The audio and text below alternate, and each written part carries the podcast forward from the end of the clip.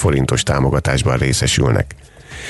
Nagyszabású gálaműsorral és új magyar artistákat felvonultató tavaszi produkcióval ünnepli újranyitásának 50. évfordulóját a fővárosi nagycirkusz. Január 14-én este a cirkusz Facebook oldalán a közönség élőben követheti az 1971-es megnyitó tiszteletére létrehozott nagyszabású gálaműsort. Az új, februártól látható Dinasztiák című műsor a magyar artista művészet kiválóságainak produkcióit vonultatja fel. Ezek voltak a kult hírek röviden. Ez volt a Reggeli Express, itt a 90.9 Jazzin.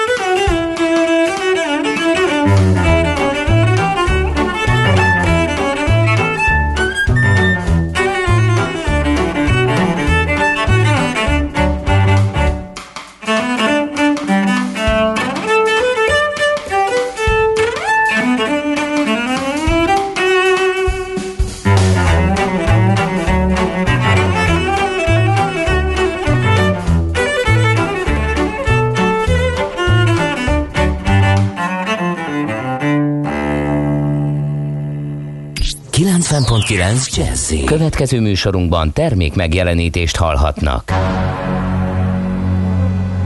A 90.9 Jazzy bemutatja egy zűrös városban, ahol semmi sem biztos. Csak az adó? Mondom semmi.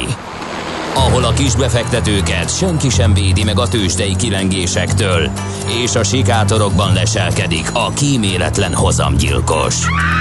Csak négy férfi múlik a közbiztonsága. Hadnagy urak, merre vannak? A mindenre elszánt és korrumpálhatatlan alakulat vigyáz a rendre minden reggel. Ezek az állati nyomozók? Négy férfi egyeset és egy nyalóka. Ács Gábor, Gede Balázs, Kántor Endre és Mihálovics András.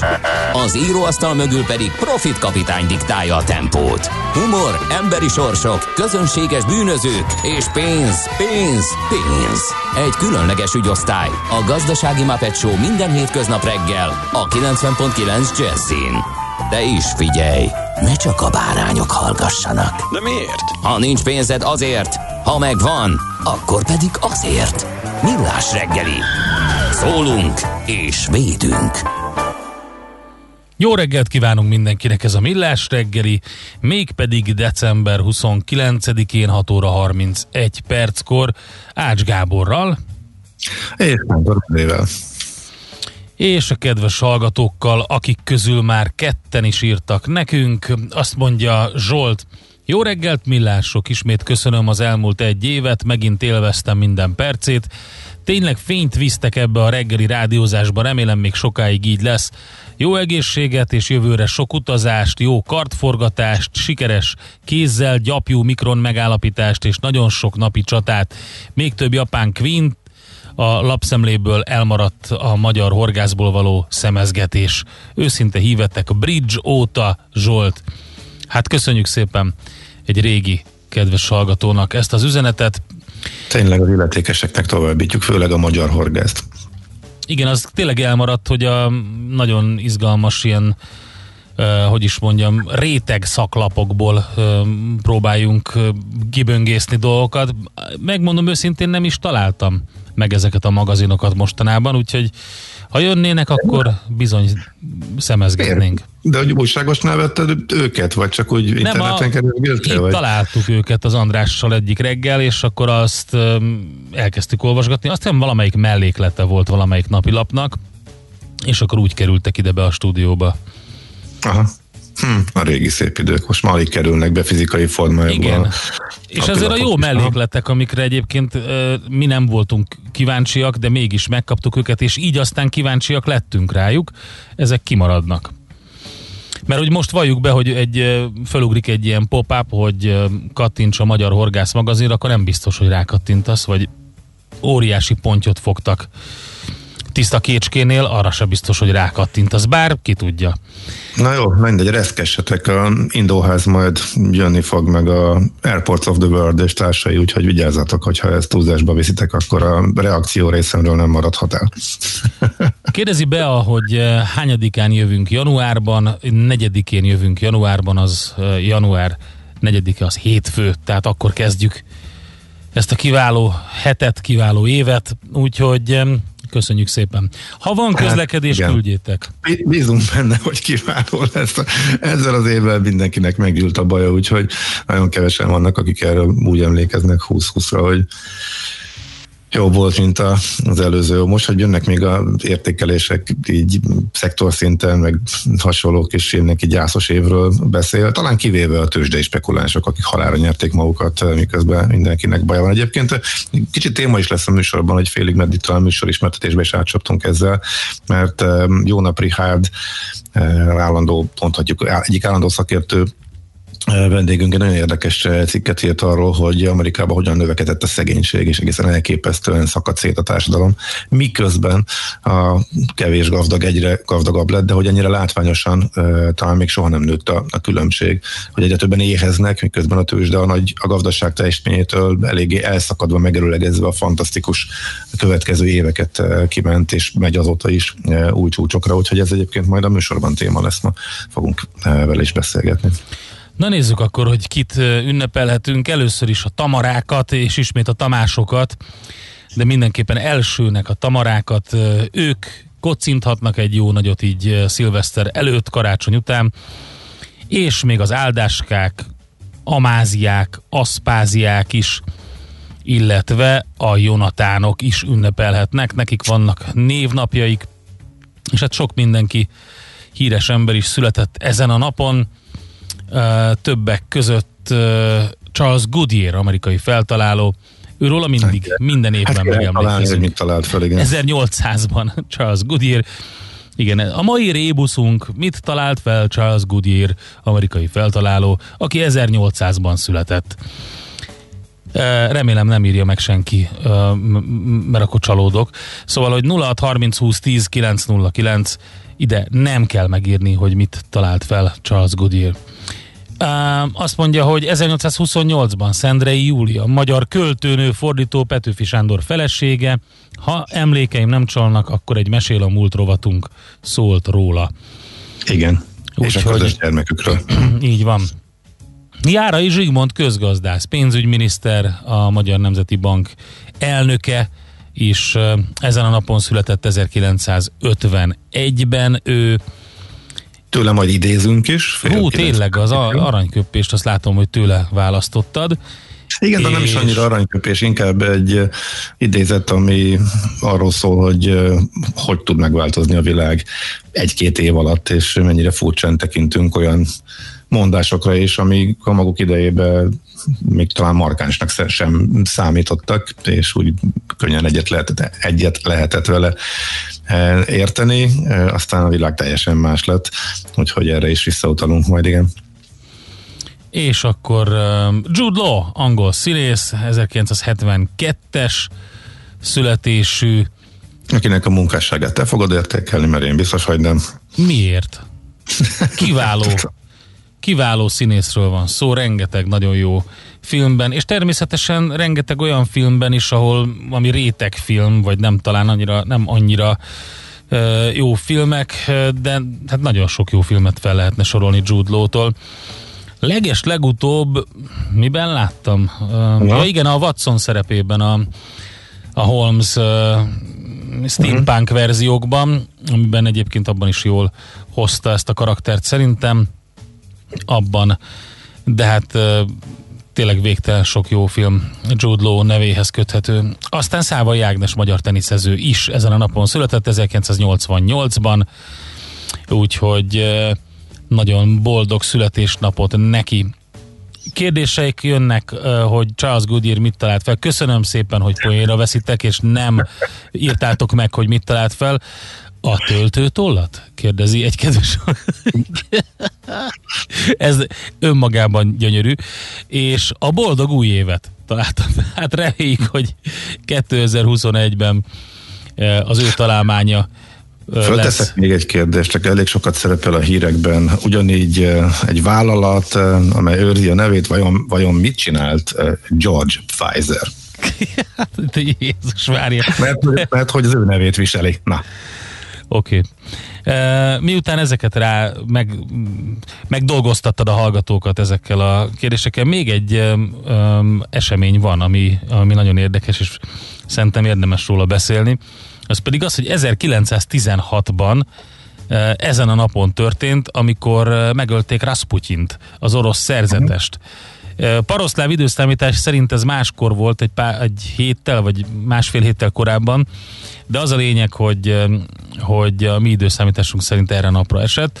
És nagy hát, nehezen került. Uh-huh. figyelj, hát elképesztő sztori.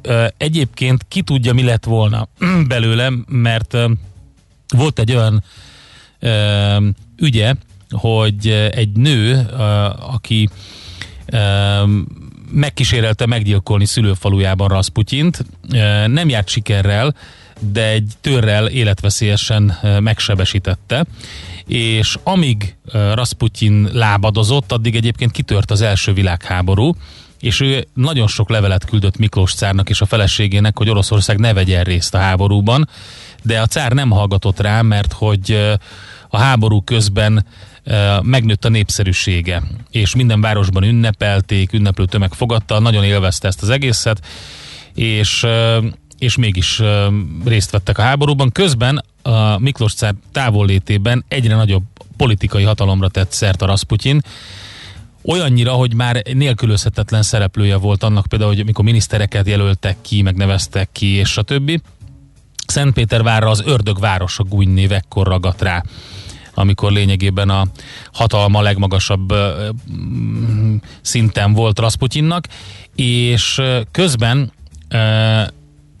az történt, hogy hát ezt a nemesség ezt nem nagyon nézte jó szemmel, le- legalábbis nagyon sokan, meg akik különböző mm, politikai akarnokok voltak, és úgy döntöttek, hogy hát ezt, ezt az embert el kell távolítani. És nagyon érdekes az, hogy a legenda szerint még a végén vízbe is dobták, mert hogy a boncoláskor vizet találtak a tüdejében, és ebből az derült ki.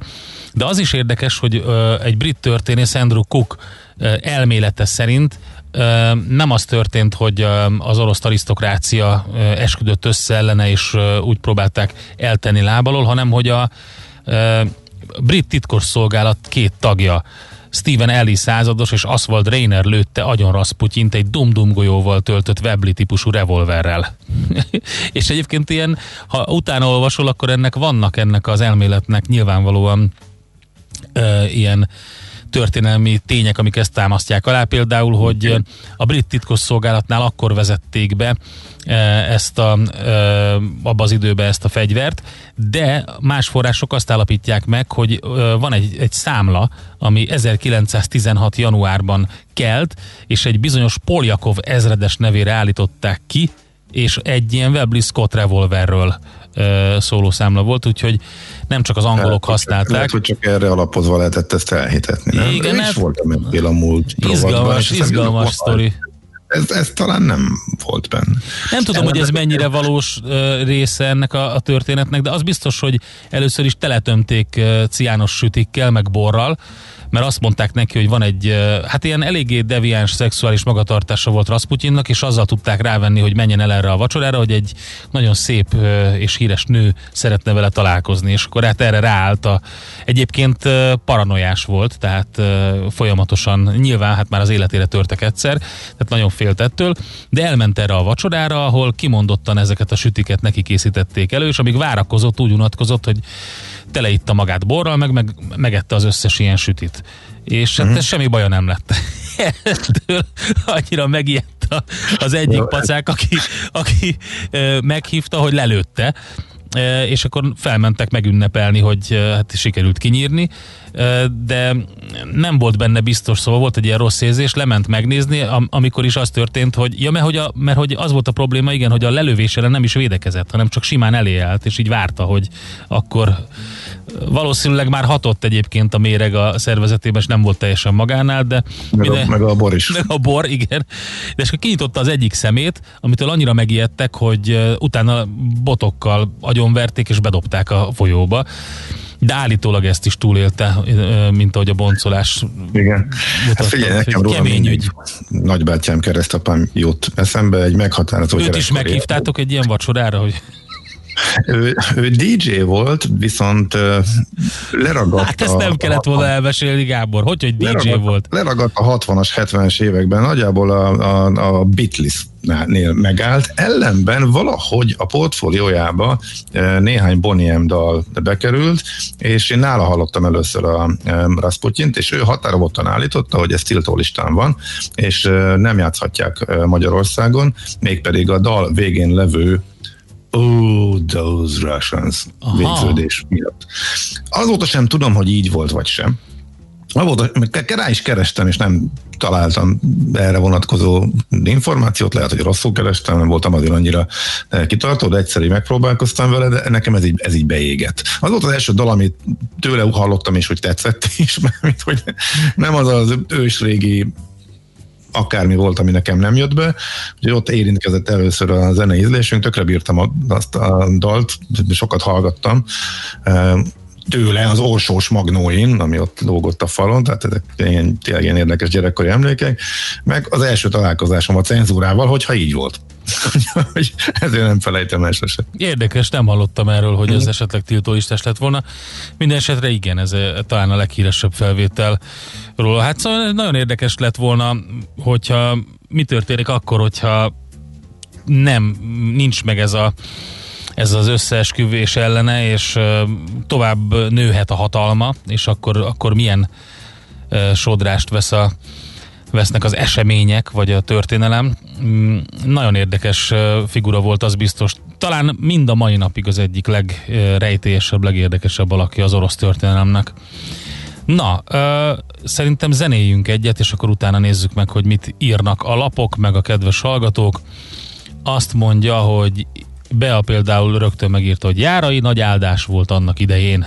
úgyhogy, úgyhogy köszönjük ezt az üzenetet is. Következzen egy zene a Millás reggeli saját válogatásából. Music for Millions.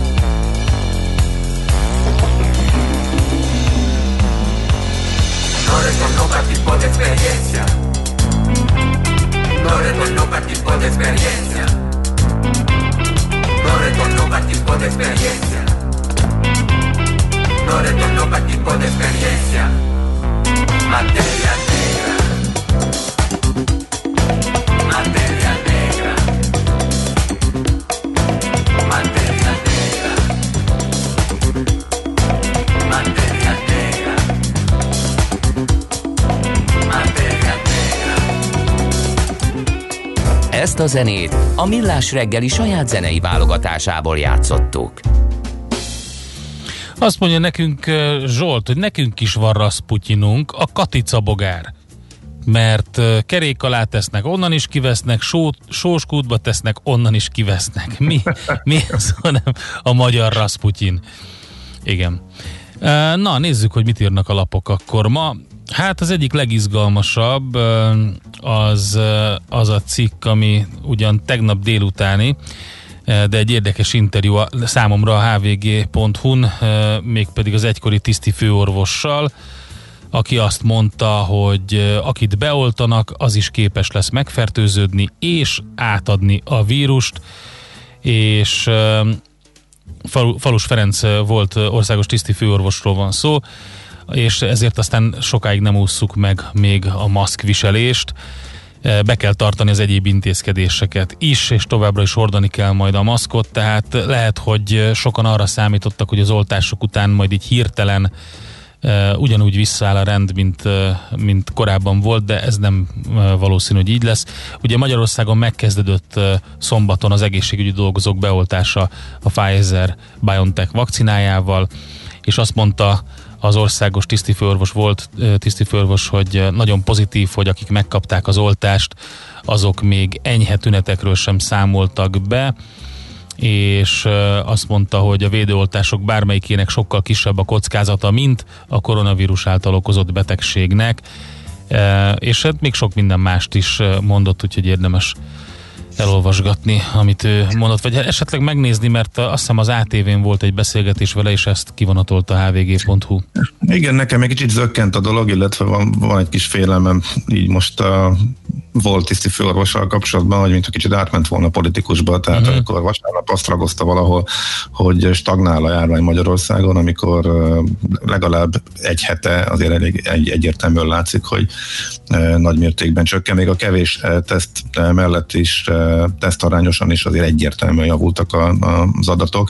Szóval ezt stagnálásnak nevezni, minden tiszteletem, és nyilván ő a szakértő, de hát azért ez már inkább a volt politikusba hajló nyilatkozat volt.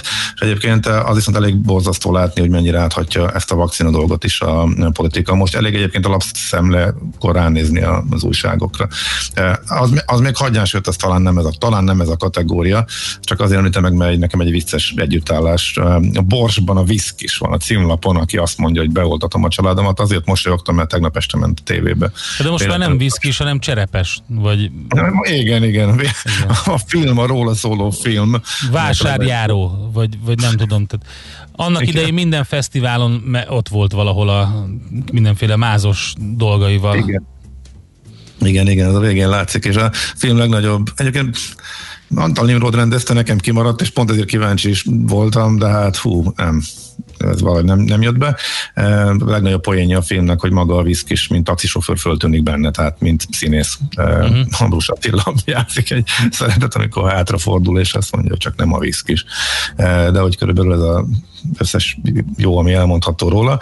Na minden esetre ő nyilatkozik például a Borsban, és ahol ugyanakkor az már a politikába hajlás, hogy pozitívunként benne van, hogy BBC magyar kapta a legelső szérumot az EU-ban. Hát azért, mert Magyarország tett magasról arra a kérésre, hogy egyszerre kezdjenek el oltani az EU-ban, ez vasárnap lett volna. Három ország volt, aki szombaton elkezdte, Németország, Szlovákia és Magyarország, E, és ezen belül is e, Magyarország először, úgyhogy ez, ez nem Magyarország érdeme, Magyarország e, volt egy uniós kérés, hogy egy, legyünk egységesek, és ha már igazából semmiben nem tudunk megegyezni, és a járvány kapcsán egy óriási győs káosz uralkodik elég sok téren, majd beszélünk is róla a műsorban, legalább próbáljunk egységet mutatni, bevezetni, tehát ebbe is volt három ország, aki vagy nem tudott róla, vagy nem akart tudni róla. Tehát az, hogy a magyar kapta a legelső szérumot, az azért volt, mert nem tartottuk be az ajánlást, és elébe mentünk annak. Úgyhogy ennek, ennek a dolognak is ugye több értelme van. És egyébként mindenhol vakcinás hírek vannak, ugye most kimondottan csak a print sajtót nézem, mely a világgazdaságban is még az idén 40 ezer ember oltására elegendő vakcina érkezik, itt Merkeli Béla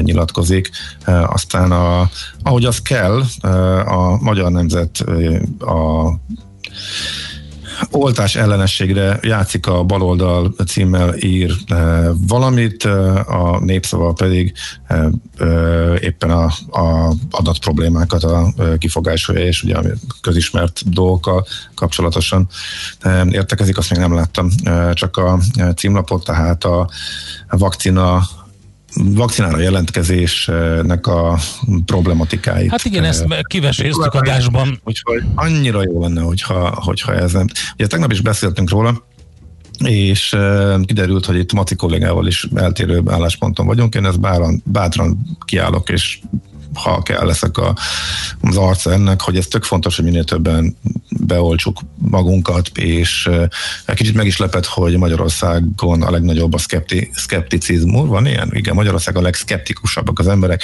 Amit egyébként látva az adatproblémákat, illetve a kommunikációs hiányosságokat a kormány részén valamilyen szinten megértek, de hogyha abban azt nézzük, hogy van igazából kormányfüggetlen. Gábor, amiről kevés az információ, arról a, szárba szökkennek mindenféle elméletek, ez az első.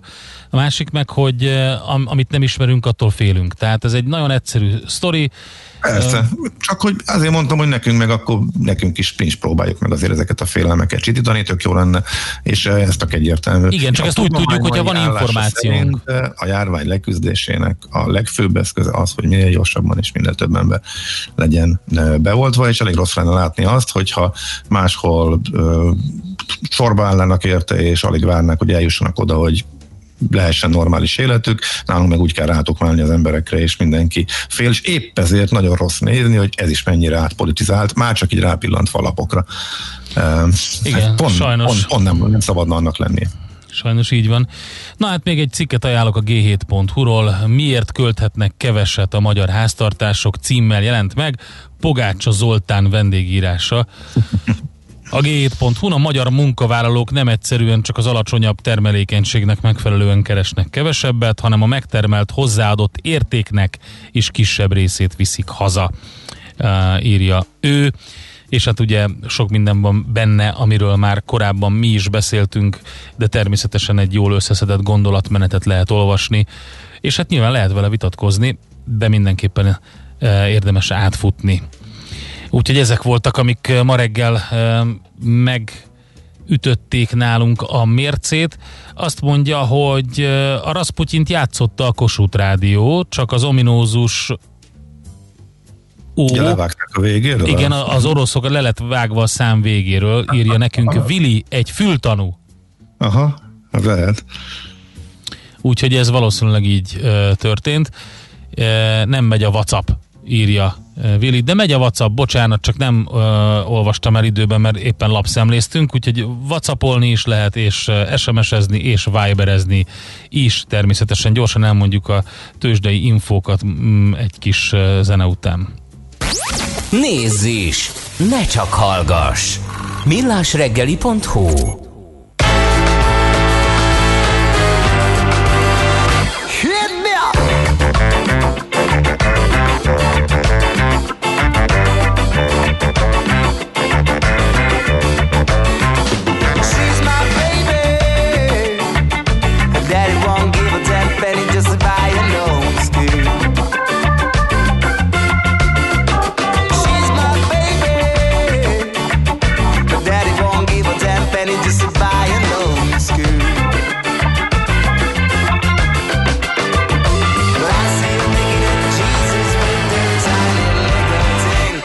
Say, honey,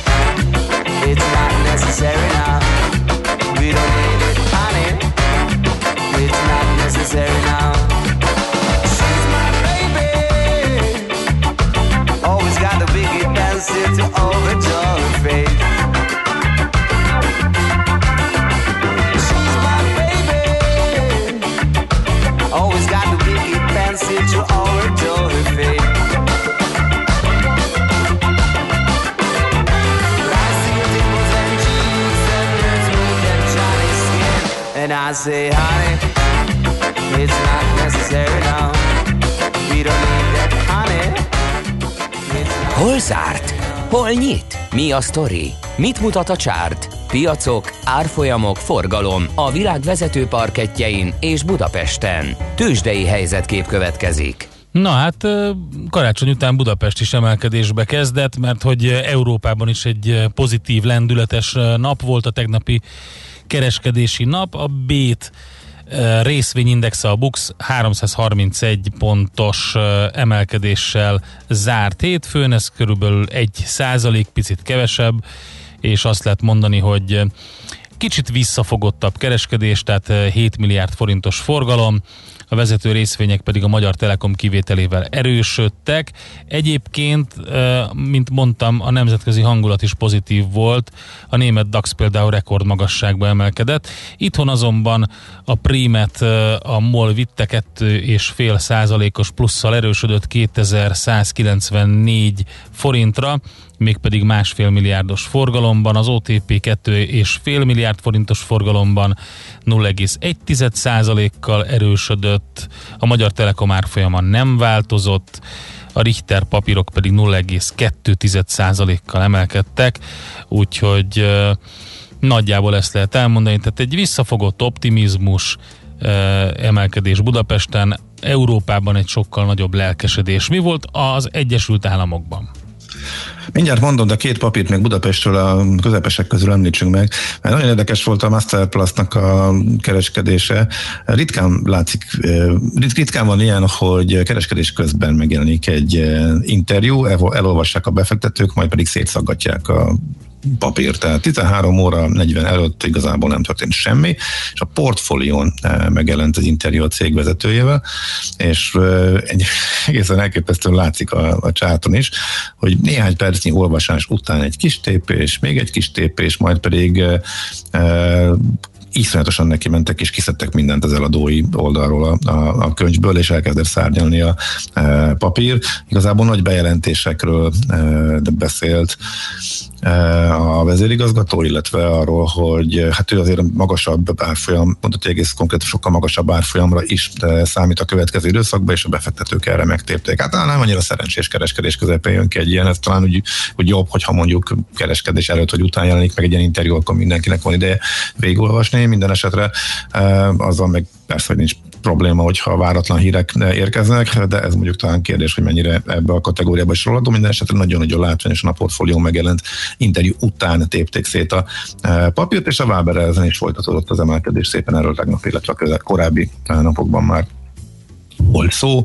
Hát Amerika csinált egy újabb csúcsot, most ezt megint olyan sokat nem lehet ragozni, inkább csak azon megy a, hát az nem igaz, hogy szerencsétlenkedés, de a befektetők arról vitatkoznak, meg időnként a piac az egyik oldalról a másikra esik, hogy az idén egészen elképesztő növekedést produkáló nagy technológiai cégekből mikor rotálnak át éppen a kicsit lemaradóbb, de várhatóan tovább, szintén jól teljesítő nagy nevekbe, illetve egyéb szektorokba, és akkor ez a value, vagy és növekedési, vagy megatech dilemma, ez hogy alakul. Hát éppen úgy tűnt, hogy az utóbbi felé billen, aztán hirtelen átrotáltak, és mégis a technológia lett ismét a vezető, tehát Apple 3,5 százalék, Amazon ugyanannyi, ja, majdnem mindig ugyanannyi, majdnem pöcre ugyannyi százalékba, Facebook is ennyit ment. És a bitcoin?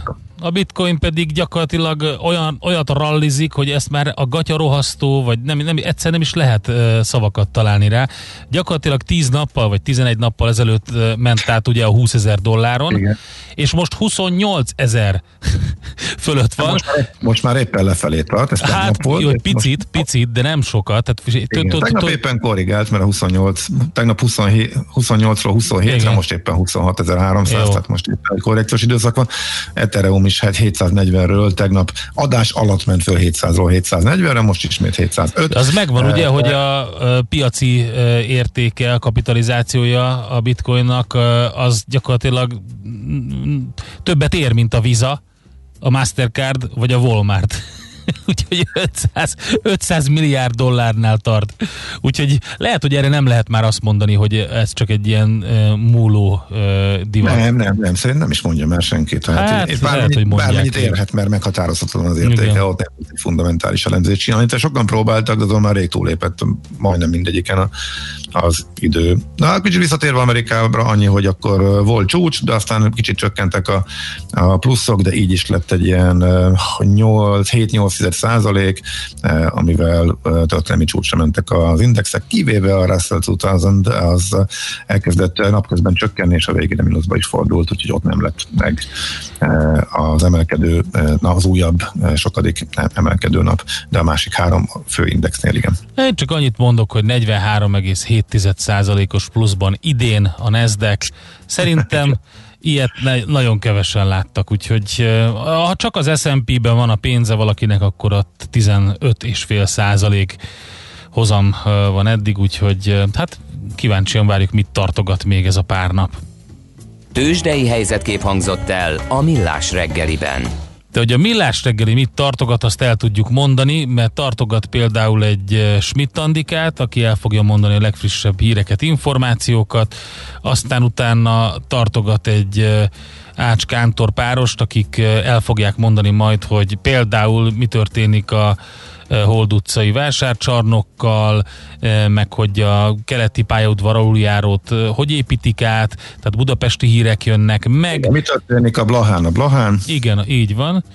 Aztán a járványkáoszról is beszélünk, hogy lehet eljutni például Angliába, érdekes kérdéseket feszeget majd Ács Gábor, meg hát jön jó nap Ricsi, és elmondja, hogy talán lesz még egy utolsó roham a nagy kiábrándulás előtt, vagy egyáltalán jön-e ez a kiábrándulás, egy picit így a tőzsdei folyamatokról beszélgetünk vele, ez tehát a következő óra itt a Millás reggeliben. Nézd a Millás reggeli adásait élőben a millásreggeli.hu oldalon. Millás, Millás reggeli, a vizuális rádió műsor. Műsorunkban termék megjelenítést hallhattak. Reklám. Vállalkozása felkészült már az elektronikus fizetésre. Van egy jó hírünk. Cégvezetőként ön most csak nyerhet. Jó döntésével most pénzt, időt és a felesleges idegeskedést is megspórolhatja. Válassza a Raiffeisen Bank új QR kódos fizetési megoldásait és tranzakciói azonnal jóváírása kerülnek számláján. Vásárlói fizetéseit személyesen a My Raiffeisen, alkalmazottaira bízva pedig az új Scan and Go mobil applikációnkkal intézheti. Részletek a www.raiffeisen.hu per QR kód oldalon. A fény fontos része életünknek, ezért a mesterséges világítást is érdemes körültekintően kialakítanunk környezetünkben. Mi a Lumenetnél minden nap azon dolgozunk, hogy olyan autó, lakás és irodavilágítási termékeket kínáljunk, amelyek a legigényesebb elvárásoknak is megfelelnek. Látogasson el most a lumenet.hu per Jazzy oldalra az extra kedvezményért. Prémium világítás technikai termékek, könnyed vásárlás, professzionális kiszolgálás. Lumenet. A világítás itt kezdődik. Reklámot hallottak. Hírek a 90.9 Jazzin. Több ezer ampullányi orosz vakcina érkezett Magyarországra. Országos véradó akció kezdődött. Marad a változékony, de enyhe idő. Jó reggelt kívánok a mikrofonnál, Schmidt Andi. Megérkezett Magyarországra 6000 ampulla orosz vakcina, jelentette be a külgazdasági és külügyminiszter. Szijjártó Péter tájékoztatása szerint a szállítmányt a Nemzeti Népegészségügyi Központba viszik, ott döntenek majd a felhasználásáról. A jövő év első felében várhatóan több vakcina is megkapja az Európai Gyógyszerügynökség engedélyét, így nagyobb mennyiségben érkezhet oltóanyag Magyarországra, és megkezdődhet a tömeges oltás, mondta a Nemzeti Népegészségügyi Központ járványügyi osztályvezetője. Galgóci Ágnes emlékeztetett, a kormány 17,5 millió oltóanyagot kötött le különböző gyártóknál. Franciaország keleti részein ismét erősödik a koronavírus járvány terjedése. Emmanuel Macron, francia államfő, összehívta a védelmi tanács ülését. Nem kizárt, hogy a franciáknak harmadszor is karanténba kell vonulniuk, ha országosan is romlik a helyzet. Az egészségügyi szakemberek az oltási kampány felgyorsítását sürgetik. A franciáktól azt kérte a kormány, hogy a szilvesztert mindenki az otthonában ünnepelje. Közben egyre több ország szigorít a Nagy-Britanniában megjelent új vírusvariáns miatt. Egy hónapig már Japánba sem utazhatnak külföldiek, Dél-Koreában pedig egy héttel meghosszabbították a Nagy-Britanniából érkező járatok tilalmát. Szakemberek szerint a mutáns vírus 70%-kal fertőzőbb, mint az eddig ismert törzs, de az eddig kifejlesztett vakcinák hatásosak lehetnek ellene. Országos véradó akció kezdődött. A Vérellátó Szolgálat és a Magyar Vöröskereszt december végén is várja a donorokat. A közelgő hosszú hétvége miatt, valamint az ünnepek alatt megfogyatkozó készletek feltöltéséhez most is nélkülözhetetlen a véradók segítsége. Hívta fel a figyelmet Nagy Sándor, a Vérellátó szakmai főigazgató helyettese. Tömegek voltak a hegyekben a havazás miatt, számolt be az RTL híradója. Észak-Magyarországon havazott, és ezért sok kiránduló egyszerre indult útnak, hogy kihasználják a télies időt. Kékes tetőn volt a legnagyobb tumultus. Bánkúton is sokakat vonzott a szánkópálya. A csatorna idézte a járványügyi szabályokat, miszerint a zöld területeken nem kötelező a maszkviselése, de itt is tilos a csoportosulás. Hajós Alfréd szobrot kap a Margit szigeten. Az alkotásra a Magyar Alkotóművészeti Közhasznú Nonprofit Kft. és a Magyar Zsidó Kulturális Egyesület írt ki országosan nyílt pályázatot. A kivitelezésre 30 millió forint áll az alkotók rendelkezésére keretösszegként. A beérkezett pályaműveket szakmai zsűri bírálja el 2021. április 11-ig. Ezt követően a sikeres alkotóknak augusztus 29-ig van lehetőségük a tervezett műről egy modellt készíteni, amely méretarányosan mutatja be az alkotást. Online szilveszteri gálát közvetítenek a Budapesti Operett Színházból.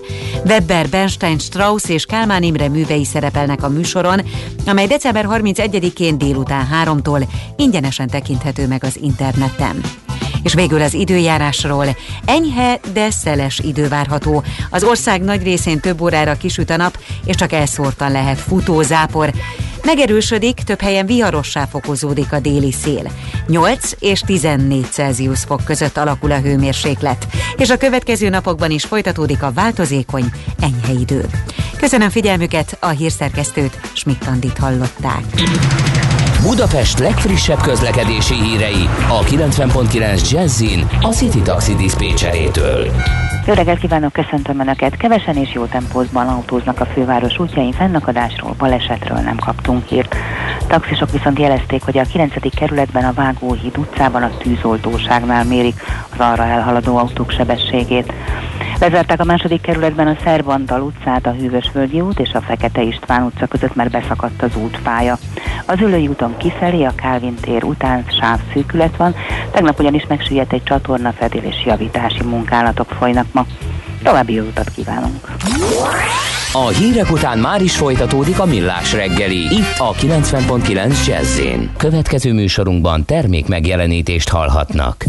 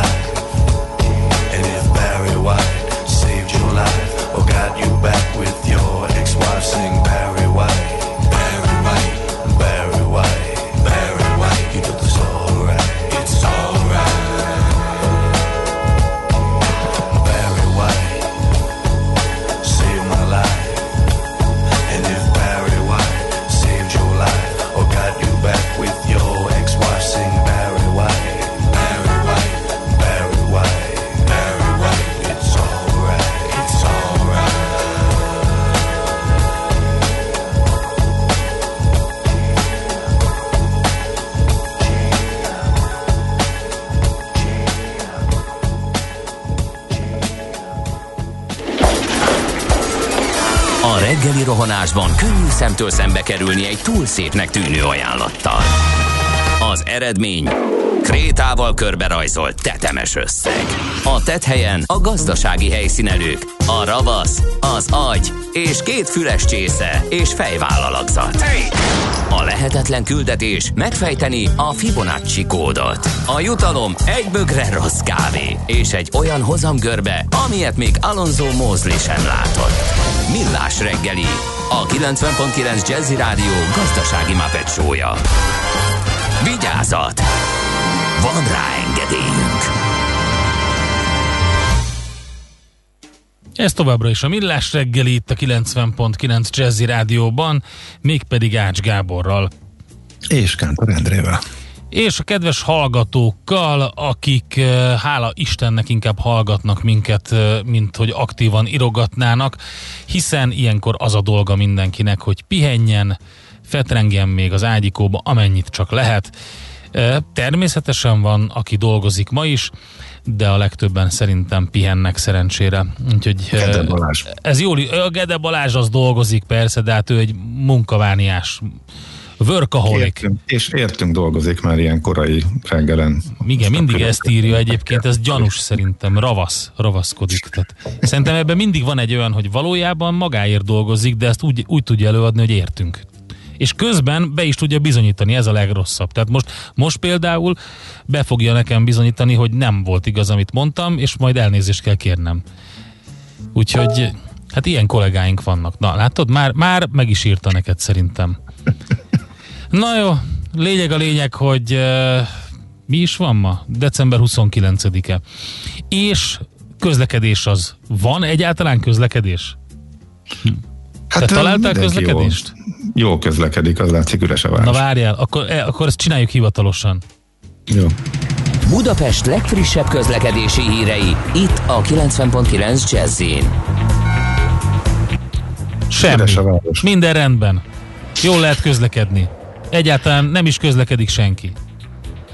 Várjuk a hallgatóktól az ezzel ellentétes információkat, mi tényleg minden szinten azt látjuk, hogy kiválóan lehet haladni mindenhol. Budapest, Budapest, te csodás! Hírek, információk, érdekességek, események Budapestről és környékéről. Na itt viszont van egy csomó hír, eh, érdekességek, eh, például a Hold utcai vásárcsarnokkal kapcsolatban. Januártól legalább fél évre bezár a belvárosi piac, és a bezárásokról még mielőtt a piacra rátérnénk, egy érdekességet, ami nem tudom, hogy volt a műsorban, vagy te mondtad-e valamikor, hogy a millenárison található játszóház, a Millipop is eh, lehúzta a rolót, Na, nem, nem tudtam. Na, Pedig- igen, érdekes. Hát mi jártunk oda a gyerekekkel, a kislányom nagyon-nagyon szerette, és borzasztóan zokon vette, hogy bezár, és teljesen mm, természetesnek vettük, és el, el, el is magyaráztuk neki, hogy hát tudod, kislányom nem lehet járni ezekre a helyekre, van ez a borzasztó Covid helyzet, és a többi, és a többi, és hát nyilván ezeket a szolgáltatásokat nyírja ki legelőször. De képzeld el, hogy megnéztük, és az oldalon az van, a Millipop oldalán, hogy nem a Covid miatt a félreértések elkerülése véget zártak be, hanem azért, mert a millenáris üzemeltető máshogy képzeli el az épület hasznosítását, úgyhogy nekik azért kellett onnan elmenni. Úgyhogy Aha. elvileg még valahol máshol kinyithatnak, bár ez kérdés, hogy mert ugye a tulajdonosok írták, hogy ők a márciustól terje, augusztusig vagy szeptemberig terjedő időszakot is át tudták vészelni, tehát volt tartalék, és, és meg tudták oldani, tehát nem amiatt történt a bezárás, hanem azért, mert hogy ott más lesz majd. Úgyhogy érdekes a, a szituáció, majd figyeljük, szerintem Aha, sokan akkor szerették. Hold utca rímel erre, hogy nem arról van szó, amire elsőre gondolná, hogy koronavírus, hanem más is van, lehet a háttérben, igen, ez emiatt hasonló a történet. Igen, búcsúzik a belvárosi piac, január 1 minimum fél évre teljesen bezár, írta a Facebookon az 5. kerületi Hold utcai csarnokban megtalálható Bíró Lajos séf nevéhez fűződő étterem, a séf utcája. Ők nem írtak az okokról, ugyanakkor ö, december elején a, már a Vilev Budapest írt arról, hogy ö, csak ugyan a bíróhoz kötődő buja disznók is elköltözik a piacról. A Séf utcájának top kínálatával együtt a Budai Fény utcába teszi át a székhelyét az étterem. A lap cikke alapján a piac is a koronavírus járvány gazdasági áldozata lett, a hazai közönségnek ugyanis kiesik a hely, a turisták viszont nem igen vannak, a Bíró Lajos viszont azt gondolja, hogy ilyen csarnokot el kellene tudnia tartani a Budapestnek Covid ide vagy oda, ugyanakkor van a 24.hu-nak egy cikke, még márciusról, és ott az alapján nehezen magyarázható kizárólag Covid-dal a piac bezárása, mert hogy ők írtak arról az előterjesztésről, amit Szentgyörgy Völgyi Péter, 5. kerületi Fideszes polgármester nyújtott be, és amiben azt állította, hogy az önkormányzat nem tudja gazdaságosan működtetni a piacot, amit eddig a Városüzemeltető Kft. kezelt és hát ugye ez a fajta üzemeltetési gond merül fel, mint, mint alapvető probléma. Uh-huh. Igen, ezeket az infokat így együtt a Telex szedte össze, és szinte biztos, hogy más is van ezek szerint a háttérben, tehát nem csak a koronára lehet fogni. Egyébként érdekes maga ott az a konstrukció, az, hogy kézműves termékek, meg piac jelleg, plusz de emellett egy ilyen gasztrocentrum mindenféle szintű étteremmel, és inkább egy ilyen, hát nem tudom, hogy ezt, ahova az emberek így pihenni, bandázni járnak, hogy a kettő együtt működjön. Hát mindegy, reméljük, hogy azért ez visszatér még, és nem végleges bezárásról van szó, hanem megtalálja a helyét ez a egység is, úgyhogy a belvárosi piacról beszélgettünk. Aztán a keleti pályaudvar is érdekes, ugye még a... Igen, hát most legalább egyszer azt tudjuk, hogy mire való ott igazából nem nagyon Igen. lehet nagy csubákat csinálni, de a felújítás az alsó szinten azért mindenképpen jó hír. Erről Vitézi Dávid számolt be. Arról meg mi számoltunk be, hát mi többször beszéltünk, hogy tervekben nincs hiány, és Ugye ez elég gyakran közöl fényes tervekről szóló színes szagos beszámolókat a Facebook oldalán, és ezt is ő jelentette be. Mint a keleti pályadónak az alsó szintjéről, ott a pénztár szint, illetve az aluljáró, amelyik összeköti a metró bejáratokkal, annak a teljes megújításáról van szó. Erről értesülhettünk éppen. Meg a Blaháról is. Igen. Mert hogy megjelent a Blaha tér felújításának tervezési és kivitelezési munkáiról szóló közbeszerzési eljárás felhívása. Igen, de ez is látod, hogy mennyire átpolitizált. Igen, szóval természetesen. Össze-vissza kommunikált, tehát először a Magyar Nemzet írt arról, de a szokásos hangnemmel, tehát hogy a főváros kb. hülye, és igazából a kormány adná a pénzt, a főváros töketlen és nem képes megcsinálni.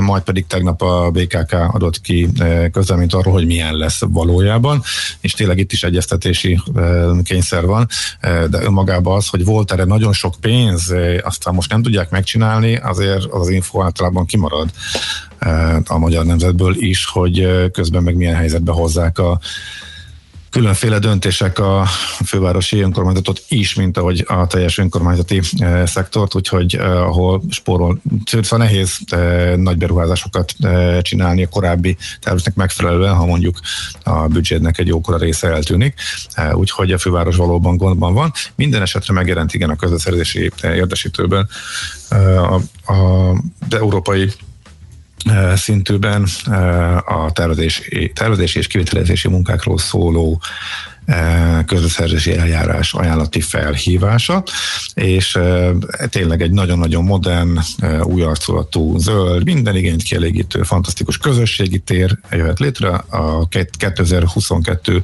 őszére lehet ez kész, a zöld felületek aránya természetesen nagy mértékben nő, kevesebb vát, fát vágnak ki, mint a korábbi tervekben volt. Ez ugye már a mostani budapesti vezetésnek a terve, illetve ez alapján tervezték kicsit át. Akadálymentes lesz, nyilvános véceket építenek, erről is rengeteg hírót, hogy milyen kevés van. Budapesten kérdés, hogy mi az, ami majd kiesik Igen. a korábbi tervekből. Ez a Somogyi Béla utca átépítése, ugye ez az, amit kifogásolnak ugye a, a kormány oldalon, opciós tételként hivatkozik rá a, a BKK, az állam is támogatja, egy milliárd forint összeg jön az államtól, de itt is egy egyeztetési kényszer van, és emiatt ez is egy ilyen teljesen átpolitizált uh, ügy. Minden teljesen Bár, átpolitizált. Hogy a BKK miért több nap késéssel adta ki a közleményt, és így mondjuk kommunikáció szinten megelőzte a kormány oldal, aki tudott egy ismét ennek kapcsán is egy nagyot rúgni először a fővárosba, hogy aztán a BKK a szép terveket később ismertethesse. Úgyhogy a jó lenne, ha nem ezekről kéne, vagy nem ezeket kéne ezek, ezekhez a hírekhez de hozzátenni, de hanem csak hozzá arról kell tenni. beszélni, hogy tök szép fejlesztés, zöldülés, és együtt dolgozik a kormány és a főváros. De jó, nem álmodott talán. 2021-ben, Gábor. Majd a Jó. Good Year-ben. A Good Year-ben lesz majd így. Sziasztok, ezt az interjút érdemes a Viszkissel megnézni, küldött nekünk Attila egy linket, főleg Gábor neked. Nem Mhm. várt helyről, totálkár autós megközelítés, de van néhány komoly gondolata a példaképpé válásról, a cselekedetei következményeiről, immár éretten. Én kriminalisztikai szempontból néztem meg, ez alapján oktatnám rendőröknek. Fél óra, de nekem megérte. A YouTube-on rá lehet keresni Totálkár Viszkis interjú, és akkor itt meg lehet, azt hiszem az a cím, hogy a bankrabláshoz minimum 200 lóerő kell. Tehát ezt köszönjük szépen, ezt az Ez jó ajánlót. ötlet, és ez engem érdekel, és én, a filmben csalódtam, igazából Aha. nekem annyi volt a megjegyzésem. Hát nem volt nagy duranás a film, igen, Mhm. mondjuk ki. Na, hát jön még egy csomó minden, például, hogy uh, milyen járványkáosz uh, alakult ki a közlekedésben, de egyáltalán uh, kit lehet hibáztatni ezért, meg hogy hogy lehet eljutni Angliába. Ö, személyként, hogy lehet Angliából eljutni ide, személyként, és csomagként, az is egy nagy kérdés, mert a csomagok is szerintem megálltak Doverben, úgyhogy elég érdekes szituációt szült az angol helyzet. Nekünk a Gellért hegy a Himalája. A Millás reggeli fővárossal és környékével foglalkozó rovata hangzott el.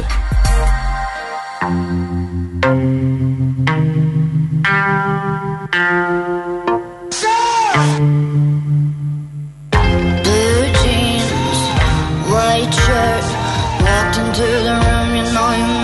eyes burned It was like James Dean, for sure. You're so fresh to death and sick as ca- cancer. You sort punk rock. I grew up on hip hop, but you fit me better than my favorite sweater.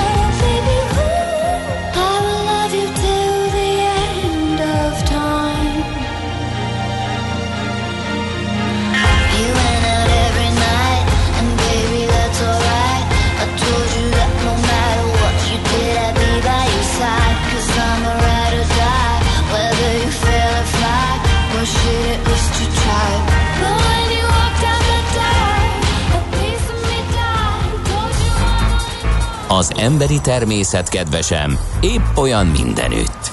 Legfőjebb annyi a különbség, hogy a nagyvárosban nehezebb megfigyelni. Millás reggeli. Na, ez a te asztalod, Gábor, mert az okos utasra Igen. írtál elő egy komolyabb cikket, hogy mi történik.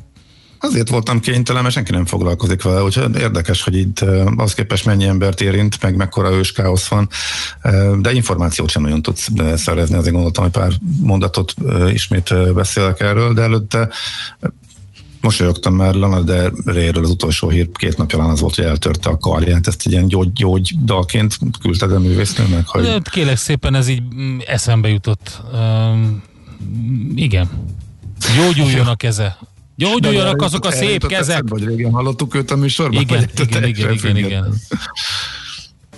Ezek szerint teljesen függetlenül. Jó. Szóval, hogy mennyire működésképtelen, hogyha hirtelen kell reagálni az unió, illetve az uniós országok mennyire nem foglalkoznak azzal, hogy uniós egységet lenne jó mutatni, az az angol helyzet is jól jelzi. Pedig itt azért Brüsszelben nagyon igyekeztek, hogy közös cselekvésre bírják az országokat a brit, a Nagy-Britanniával kapcsolatos korlátozásokat illetően. Amikor ugye nagyjából egy hete kiderült, hogy eh, van ez a vírus variáns, ami gyorsabban terjed, és azt jó lenne ott tartani, és eh, mindenki megijed, hogyha ez hozzá bekerül, akkor ismét föllángol a járvány, pont most, amikor a vakcina már mindjárt érkezik, akkor sorra és órák alatt lényegében az összes uniós ország lezárta a határait, illetve betiltotta a repülést Angliából. Ugye aszimmetrikusan, tehát, hogy Angliából az adott országokba nem érkezhetnek eh, személyszállító repülőgépek, az ellentétes irányhoz viszont nem nyúltak, de hát ugye nem igazán életszerű az, hogy egyik irányba menjenek a repülők, amelyek aztán nem jönnek vissza. Aztán utána egyébként önmagához képes példás gyorsasággal uniós szinten született egy ajánlás, hogy hogy is lenne ezt kez, jó kezelni, és akkor ebben az, az van, hogy hát azért az, a mozgást valamilyen szinten azoknak, akinek nagyon, nagyon fontos, biztosítani kell, és vannak módszerek arra, hogy kiszűrjük a vírust, tehát a, a kötelező szigorú karantén, eh, illetve a csak teszt melletti utazás eh, az eh, pont elég arra, hogy megakadályozzuk, hogy akár ez a vírus mutáns változat, variáns is bejöjjön az országokba. Ezt javasolta az Unió, és utána jött az, hogy az országok egy része ezt átvette egy nap alatt, még karácsony előtt, a másik fele meg nem foglalkozott vele, és ebből lett az igazi őskáosz, tehát nagyjából nem tudhatod, és igazából információ is nagyon-nagyon nehezen szedhető össze róla, országonként kell rákeresni, én megpróbáltam, aztán feladtam, hogy nagyjából egy, egy nagy képet gyűjtsek. A képet onnan lehet összegyűjteni, hogy hova vannak törölve a következő két napra a repülőjáratok Angliából, és hova nincsenek. Tehát ebből lehet a legkönnyebben meglátni, hogy melyek azok az országok, akik így döntöttek, és ahogy úgy döntöttek. Magyarország helyzete Azért speciális, eh, mert nekünk lett volna a legkönnyebb az uniós ajánlásnak megfelelően cselekedni, mert a mi rendszerünk eleve olyan, hogy eh, csak eh, dupla tesztel vagy nagyon szigorú rendőrök által felügyelt karanténnal, hatósági karanténnal, akkor minden nap tényleg kimegy a rendőr is ellenőriz, és ezt tényleg komolyan veszik és be is tartják, aki ilyenben van. Lehet bejönni az országba, tehát nálunk nem tartott volna semmiből ezt átvenni, de mi nem vettük át itt maradt azért a, a szigor. Tehát nálunk az van, hogy Angliából, ugye Egyesült Királyságból nem jöhetnek járatok, visszafelé pedig mehetnek. Na most mit csináltak a légitársaságok? Hát akkor az igény, az utazási igény kifelé, hogy például a Vizer elkezdett kifelé indítani járatokat, úgyis, hogy üresen visszarepteti. Tehát Magyarországról idefelé nem üzemeltethet járatokat, ugyanakkor nagy kérdés, hogy mikor töröljön, mert egyrészt az utasokat bizonytalanságban tartani az nagyon gáz, tehát az, hogy te még hétfőn nem tudod, hogy kedden megy a járatod, a menetrendben benne van, jegyet lehet rá venni, noha tiltott időszakra szól, akár már a következő napokra is, és utána utolsó pillanatban törlik. Ez eléggé nagy kiszúrás a utasokkal, és nem is tűnik fernek. Ugyanakkor, ha a légitárság abból indul ki, van egy ajánlás arra, hogy lehessen ezeket a járatokat üzemeltetni, és abban bízik, hogy az országok majd egyszer hozzányúlnak, és hirtelen beállnak a sorba, és az EU-s ajánlás szerint járnak el, akkor meg, hogyha mondjuk egy hétre előre, vagy, vagy két hétre töröl, akkor meg két hétig akkor sem lesz járat, mert nem lehet hirtelen visszarakni, és elkezdeni akkor gyűjteni a foglalásokat, és hirtelen indítani. Ez sem működik, ezért keresik azt az idő, időszakot, hogy amennyivel előtte törölhetnek. Szerintem az egy-két nap, sőt valamikor egy napon belül az túl szűk, tehát azért az, az utas még, amikor elindul a reptére, sem tudja, hogy jár a gépe, és útközben kapja az értesítést, hogy éppen e, megszüntették. E, és igazából, ami még a légitársaság légitársága részéről egészen gáz, hogy semmiféle kommunikáció nincsen. Az ügyfélszolgálat semmit nem tud, tehát ezt eldöntik egy központba, sokszor utolsó pillanatban, hogy akkor a járat elindul vagy nem indul el, küldenek egy e-mailt, de az ügyfélszolgálat sem tud semmit, csak azt harsogja, hogy át a rendszerben én látom, és ha majd törlik, ott a kollégák, akiket eldöntik, akkor meg majd kapsz egy értesítést, és senki nem tud tervezni. Úgyhogy Magyarország felé aki jönni akar, akkor az a következő egy-két napban biztos, hogy nem tud. Tehát most már idénre törölték az összes járatot, de például a 30-ai tegnap még benne volt a menetrendben, foglalni is lehetett rá. Noha a magyar törvények értelmében január 5-ig biztos, hogy nem járhatnak. Persze ezt bármikor föl, le, föl lehet írni, ugye 24-én az jött ki a közönyben, hogy 5-ig tart első körben, de ha nem nyúlnak hozzá, akkor automatikusan meghosszabbítódik ez a felfüggesztés. Ausztriában lejár elsőjén, Szlovákia pedig az uniós ajánlást átvette, Szlovákiába szabadon és normálisan járnak a repülők. Azt nem tudjuk, hogy például magyar állampolgárokat beengednek-e úgy, hogy azonnal megy tovább a határ felé, vagy pedig azt mondják, hogy csak és kizárólag a szlovák állampolgárok léphetnek be az országba, és ezért ez mondjuk avoknak, akiknek mindenképpen haza kell jönniük valami nem várt esemény miatt, akkor ez jó megoldás lehetne. Akik viszont hazajöttek karácsony és visszafelé mennek, nekik legalább annyi, annyiból egyszerű a helyzet, hogy Budapesttől Hát lehet, hogy elindul a gépük, lehet, hogy nem, mert tegnap meg volt az első járat, amely kifele ment, visszafele meg már üresen jött, de kifele egy-két gép már elindul. A Vizernél, a Ryanair még szimmetrikusan törölt, tehát mindkét irányba, és ő is két nappal előtte, tehát most éppen 31-ig nem jár, elsőjétől lehet foglalni, de azt meg lehet, hogy holnap fogja törölni, nem tudjuk, ő még ezt nem vezette be, hogy üresen bevállalja az egyik irányt, de erről semmi kommunikáció nincsen, ez nagyjából a menetrendből, meg a flight arról tudom én is lebogarászni, hogy ki hogy reagál, mert senki nem mond erről semmit, és felület sincs arra, ahol érdeklődni lehet, és az ügyfélszolgálat sem tud semmit, ez hirtelen e, döntik el ezeket a dolgokat.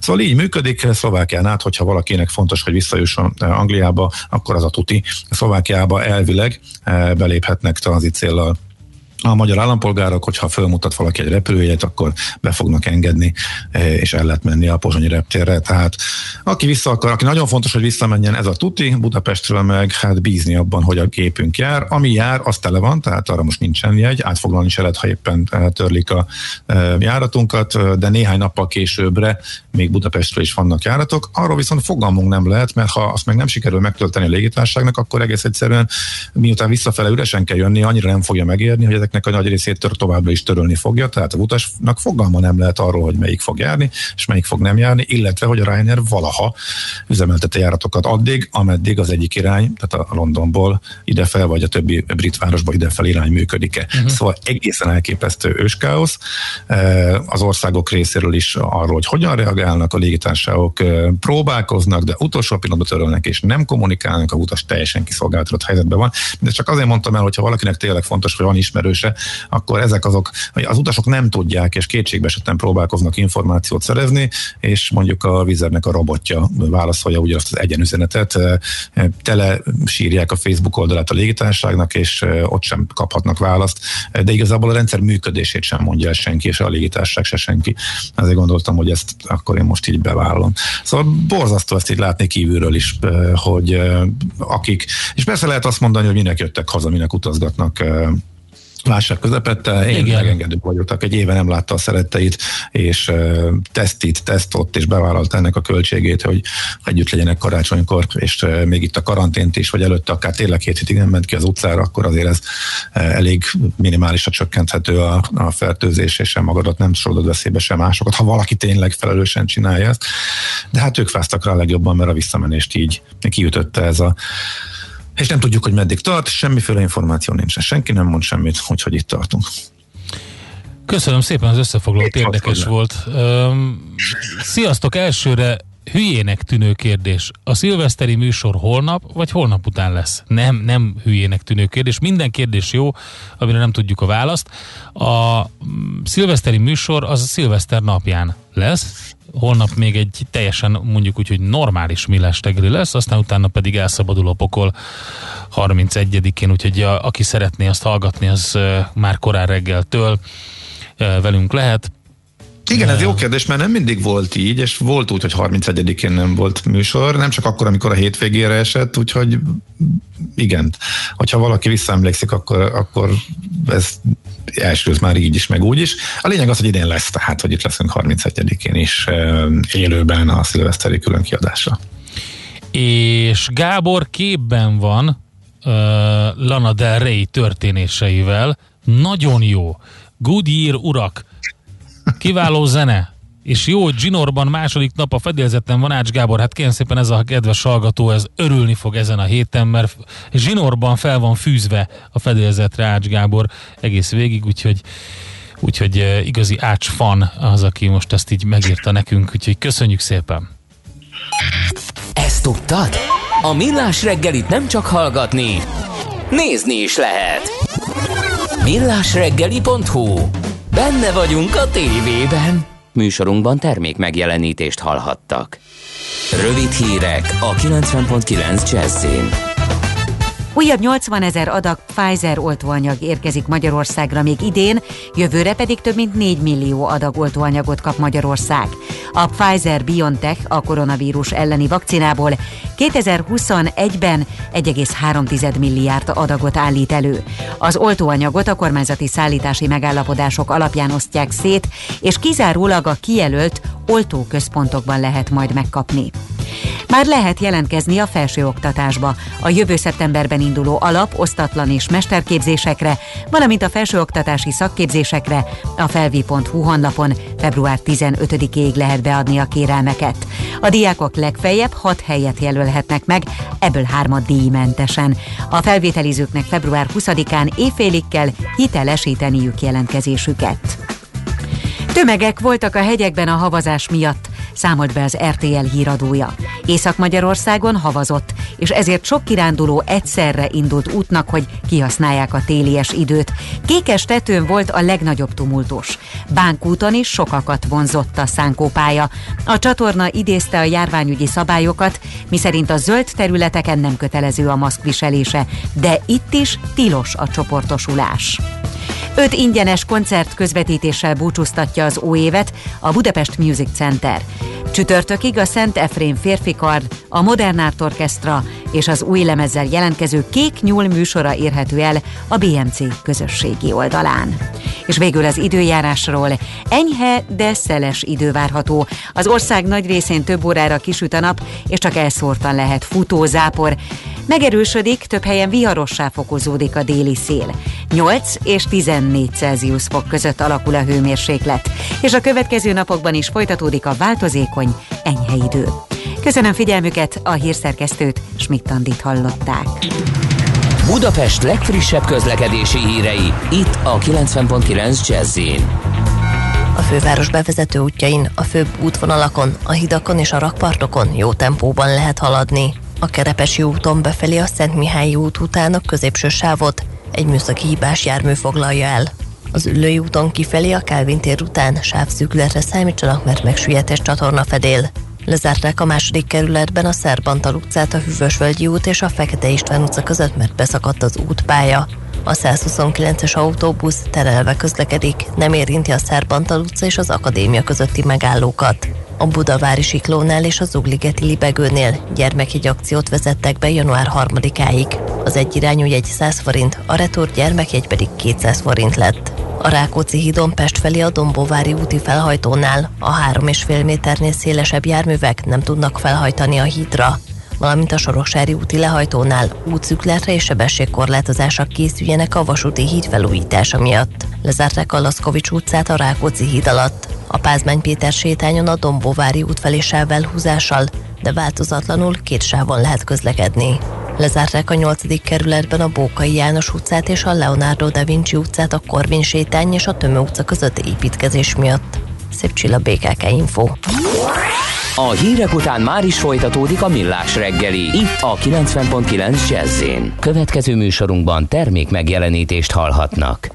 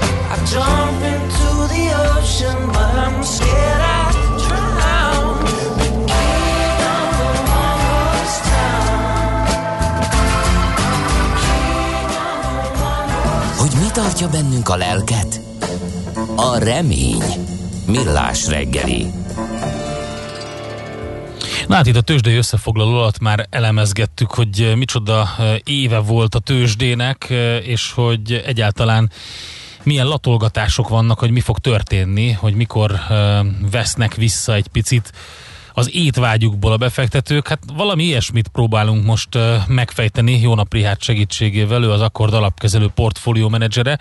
Itt van velünk a vonalban. Szervusz, jó reggelt! Szervusztok, jó reggelt mindenkinek! Mit gondolsz? Mikor jön a nagy roham még a kiábrándulás előtt, ha egyáltalán lesz kiábrándulás, mert egy ilyen 45%-ot rallizó nezdek mellett ezt így nehéz elképzelni. Nehéz elképzelni, de azért jövőre itt lesz több történet, amit nehéz lesz feldolgozni a, a, az idei évnek a piacának. Tulajdonképpen, ha vissza kell tekintenem 2020-ra, szinte kísértetésen az zajlott, mint 1998-ban az orosz válság idején. Volt egy hatalmas ö, válság, egy világgazdaságot megrengető ö, válság, amiből akkor a Nasdaq 100 a mostanihoz szinte teljesen hasonlóan volt egy 30%-os esés, majd 4 hét alatt most ez kellett 6 vagy 8 hét új csúcsra ment, és onnan egy óriási rallizott föl, és 17 hónapon át tartott a rally, aminek 2000 március 10-én vagy március 27-én ért a végére a piac, és onnantól jött egy beszakadása a technológiai részvények piacán. A legvégén ennek az emelkedésnek 99 végén és 2000 elején meghúzták nagyon-nagyon rendes mértékben a világnak szinte az összes piacát, és most nyilván egy felgyorsultabb világban élünk, a közösségi médiával összekapcsolt befektetők a világban gyorsabban reagálnak, gyorsabbak a folyamatok, akkoriban nem volt high frequency trading, nem voltak trendkövető algoritmusok, és a többi, és a többi. Az orosz válság mélypontjától a 2000-es csúcsig 17 hónapig tartott ez az emelkedő szakasz. Jelen pillanatban 9 hónapnál vagyunk, ha a március 23-as nagy piaci mélypontokat nézzük, mint a, az egész koronavírus világjárványnak a tőzsdei mélypontját és, és tulajdonképpen az egész évben volt szerintem egy alapsztori, amiről nem szabad megfeledkezni. Nagyon keveset hangsúlyozzuk, de ha az egésznek a, a, a folyamatoknak a gyökerére és a mélységébe kell néznünk, akkor szerintem egyetlen sztori zajlik, egy hatalmas megtakarítói válság van a világban.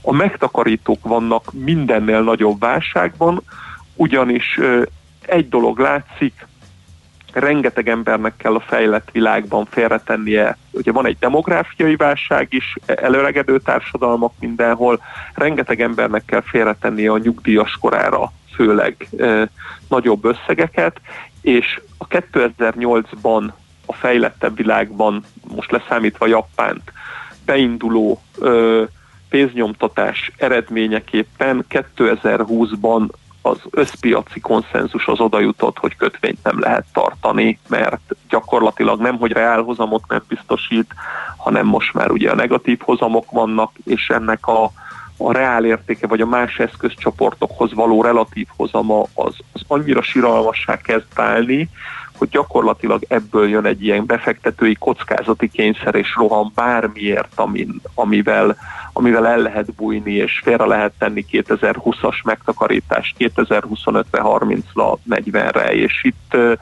ebből jön az a fajta befektetői ötletelés, aminek a, a, a következménye az, hogy, hogy gyakorlatilag a technológiai részvények, vagy most aktuálisan a bitcoin, vagy évközben ugye az arany, mindent széttépnek a befektetők. Novembertől ugye a value részvények, amikor a Pfizer-BioNTech-nek a november 9-es vakcina híre kijött, és, és az egésznek a gyökere az ez, hogy, hogy, hogy az eg, összes gazdasági válságnál, meg pénzügyi válságnál, meg bármit gondoltunk a, a, a koronavírusról, ez egy, egy akkora válság, hogy ez üti azt, tehát mint, mint aduászként ütötte le az egész évben ezt a, ezt a minden más válságot, a megtakarítóknak ez a válsága.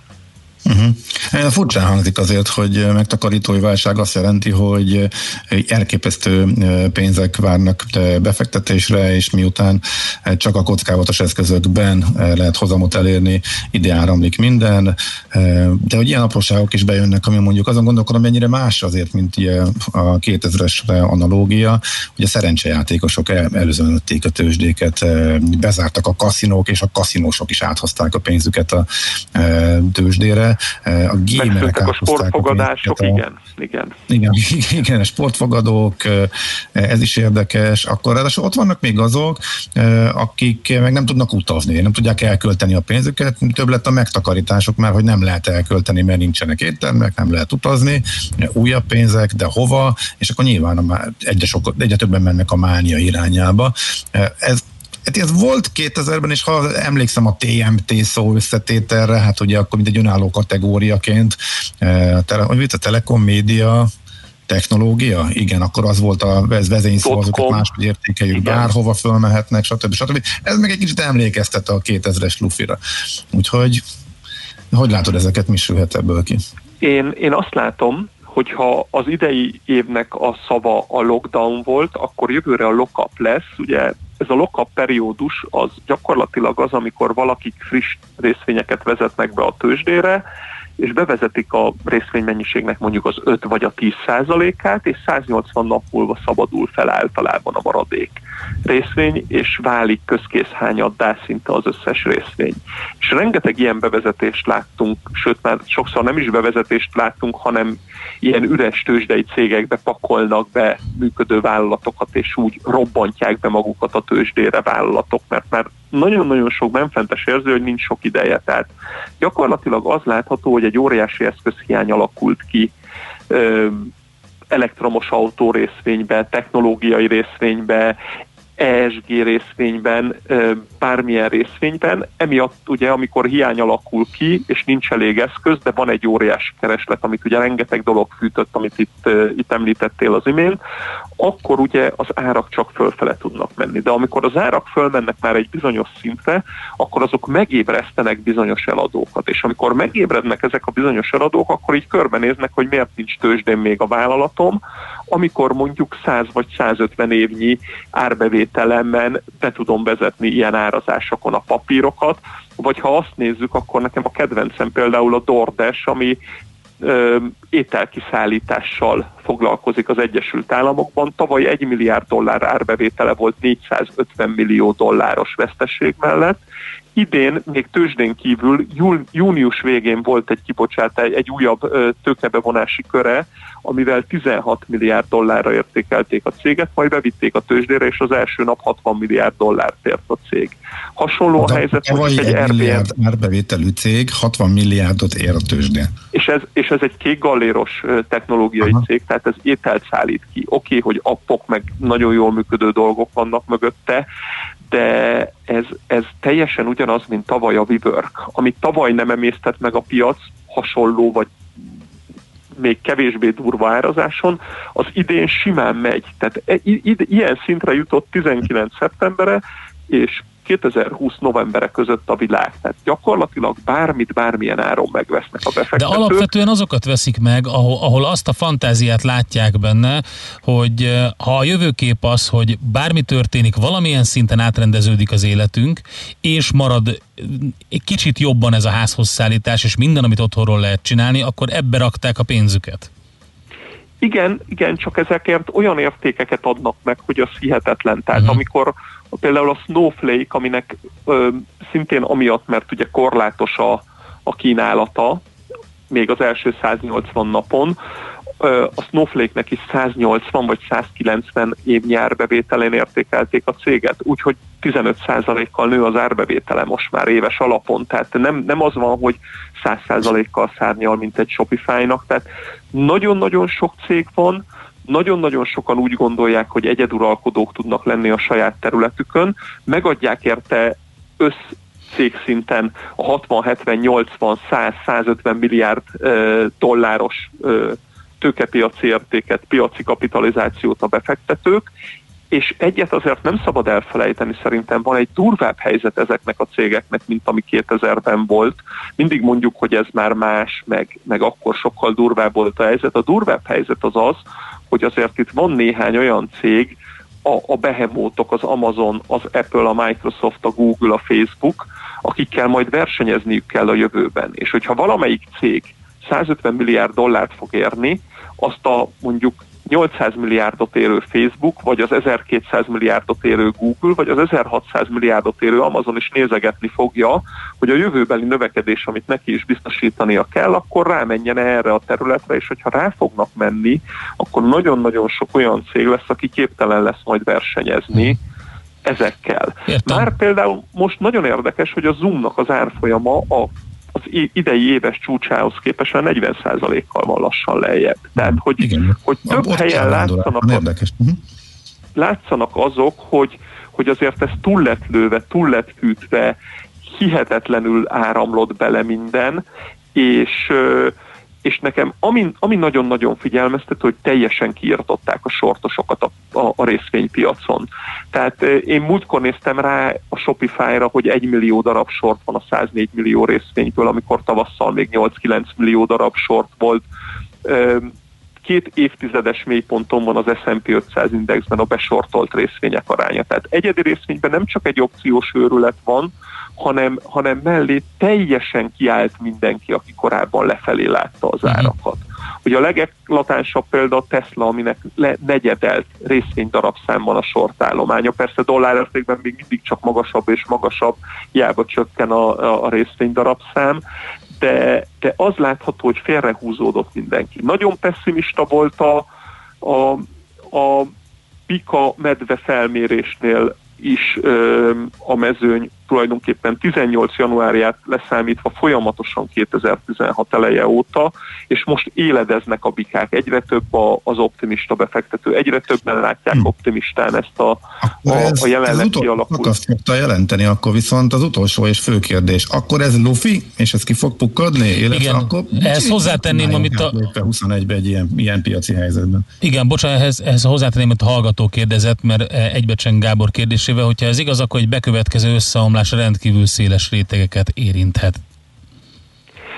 Ugye az összeomlások mindig akkor tudnak jönni, amikor rendkívül széles rétegeket érinthetnek. Tehát, hogyha ha sok a lemaradó és sokan kimaradtak ebből, akkor ugye nehezen érinti az összeomlás ezeket a nehezen érint széles réteget.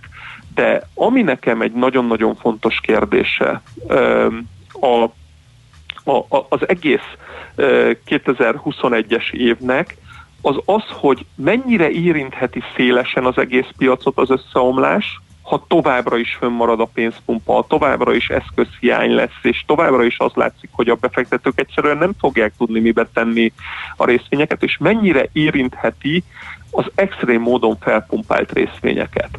Tehát az én személyes véleményem az az, hogy nagyon-nagyon két irányba kell lenni nyitottnak a befektetőknek 2021-re, mert lehet, hogy fel fognak kapni újabb és újabb történeteket, szektorokat és egyedi részvényeket, amiken egy-két-három hónap alatt fognak húzni két-három-négyszeres árfolyamot, miként idén az bekövetkezett mondjuk a kínai elektromos autóba, vagy bekövetkezett az ősszel a, a, a, a Snapben, a Pinterestben, a Twitterben, tehát a, a Facebookon túli közösségi média világban, vagy bekövetkezett a napelemes részvényekben, ahogy már várták, hogy esetleg egyre nagyobb eséllyel nyeri meg Joe Biden az el- elnökválasztást az Egyesült Államokban. Tehát fel kell készülni erre, hogy fölfele is nyitottnak kell lenni, és föl kell készülni az imént említett részvénycsoportokban, mint mondjuk egy Airbnb, egy Snowflake, egy, egy DoorDash, esetleg a Zoom, a Peloton egy csomó papírban, hogyha indokolatlanná válnak az árazások, és elkezd kiszeretni belőle a befektető réteg, vagy átrotálmásba,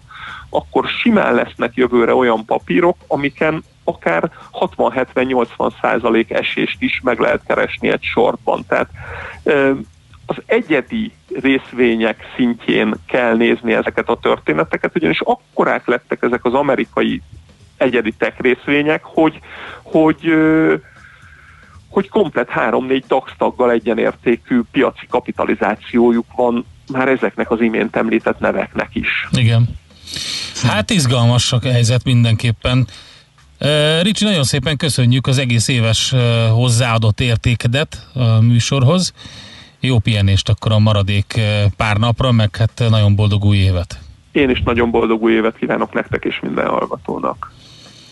Jó nap, Rihárdal beszélgettünk, az Akkord alapkezelő portfólió menedzserével, többek között hallgatói kérésre is beúztuk még így 29-én, hogy egy kicsit elmélkedjen arról, hogy mi történik a tőzsdén, és hogy ő szerinte milyennek a kilátások. Mert ezzel még lehet rágódni.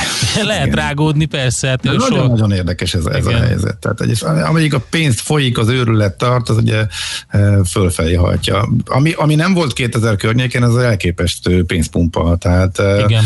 csomó minden fölfelé hajtja, nehezen tud így leesni, noha egészen nevetséges értékelések vannak, ami alapján már rég lefele kéne mennie, de két elképesztő erőfeszül egymásnak, ebbe legyél okos, hogy te hogyan fektes be. Kézeddel érkezett hozzánk közlekedési info is, ezt mindjárt elmondjuk. Dan Auerbach tetszett az egyik kedves hallgatónak, nekünk is nagy kedvencünk. Megyünk tovább, és 8 óra után, majd Schmidt hírei után arról fogunk beszélgetni, hogy újabb részletek derültek ki a lakásfelújítási támogatásról és a hitelről, úgyhogy ez is sok mindenkit érint. Várjuk a részleteket, meg szerintem a 2021-et, hogy el lehessen kezdeni számlákat gyűjteni. Hé, hey, te mit nézel? Nem tudtad? A Millás reggelit nem csak hallgatni, nézni is lehet. millásreggeli.hu Nézzünk, mint a moziban!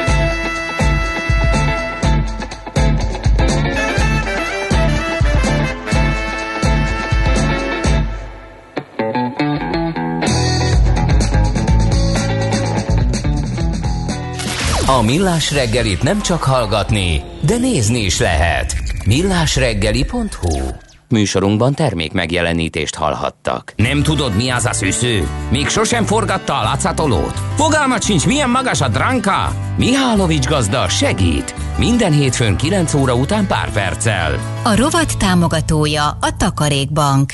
Reklám a piros székhez visz az otunk, sok a jó ár, nem várhatunk, nagy választék vár, és áram az ár. XXX Lutz téli vásár. 15% kedvezmény minden bútorra most szombattól hétfőig. XXX Lutz, a piros székes lakberendezési áruház. Vállalkozása felkészült már az elektronikus fizetésre. Van egy jó hírünk. Cégvezetőként ön most csak nyerhet. Jó döntésével most pénzt, időt és a felesleges idegeskedést is megspórolhatja. Válassza a Raiffeisen Bank